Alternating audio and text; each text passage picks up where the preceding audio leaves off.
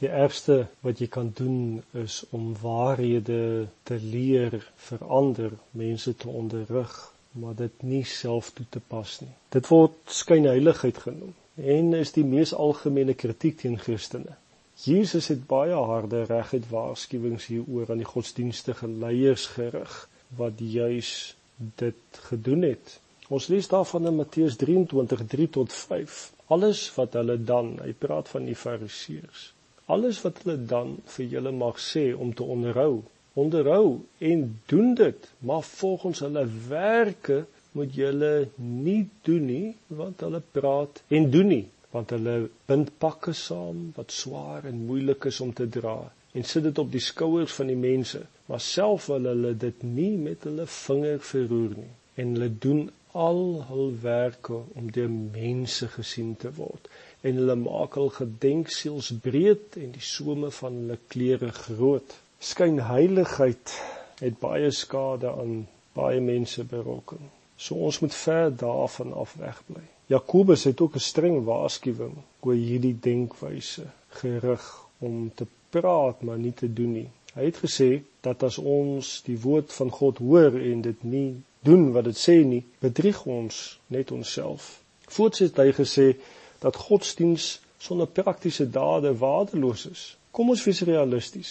Iemand wat ander probeer leer om mense te disipel en dit nie self as 'n voorbeeld prakties doen nie, beoefen waardelose godsdiens en is nie die beste kandidaat om 'n disipelmaker te wees nie. Die boek van Hebreërs is moontlik die beste voorbeeld van onderrig deur 'n voorbeeld. Onthou Jesus het dit ook gedoen. In Hebreërs 13 vers 7 staan: Gedenk julle voorgangers wat die woord van God aan julle verkondig het. Aanskou die uiteinde van hulle lewenswandel en volg hulle geloof na. Die skrywer van Hebreërs roep ons letterlik op: ondersoek versigtig die uitkoms van die persone wat jou leer se leefstyl. Ons kan so maklik vasgevang word om persone se geloofstellings aan te hang of daaroor te praat. Ons vergeet om hulle manier van lewe dop te hou. Tog is dit van kardinale belang aangesien Hebreërs ons roep om die geloof van hierdie mense wat ons leer na te boots. Dan moet hulle mense wees wat met 'n voorbeeld onderrig. As jy disippels van mense gaan maak, moet jy jou geloof prakties uitleef sodat ander jou voorbeeld kan navolg. En daarom ja, disipelmaking eis jou hele lewe. Die posbeskrywing van 'n disipelmaker is dieselfde as 'n disipel van Jesus Christus. Dit verg alles. Want jy sien, 'n disipel is 'n disipelmaker. Dit is nie die een of die ander nie dit is twee kante van 'n munt. Jy's 'n disipel wat word soos Jesus en doen soos Jesus. En daarom is jy ook 'n disipelmaker, 'n arbeider wat die oes insamel.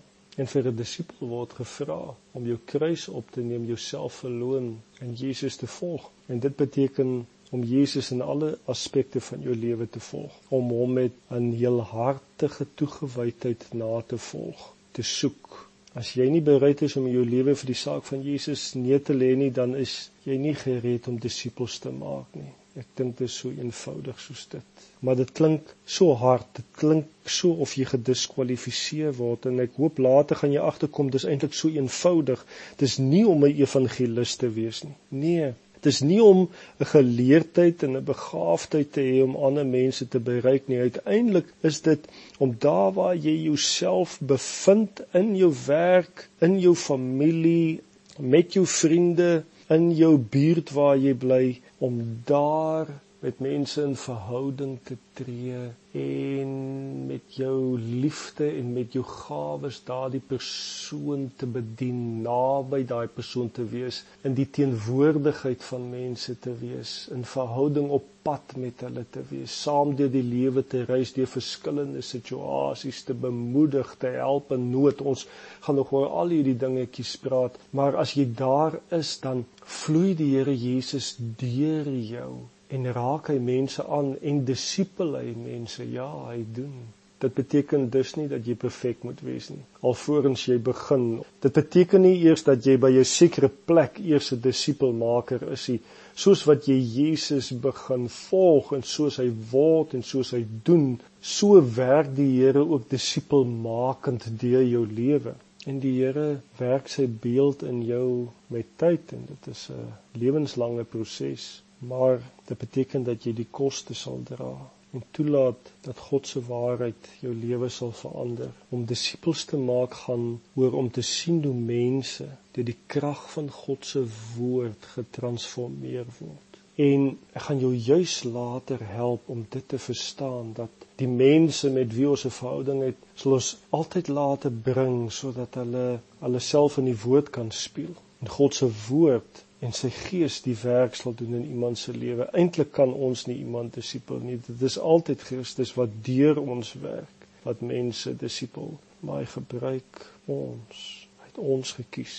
Maar as Christus deur jou wil vloei na ander mense toe, as jy wil sien hoe ander mense se lewens verander, dan moet jy die transformasie proses ook self in jou lewe ondervind.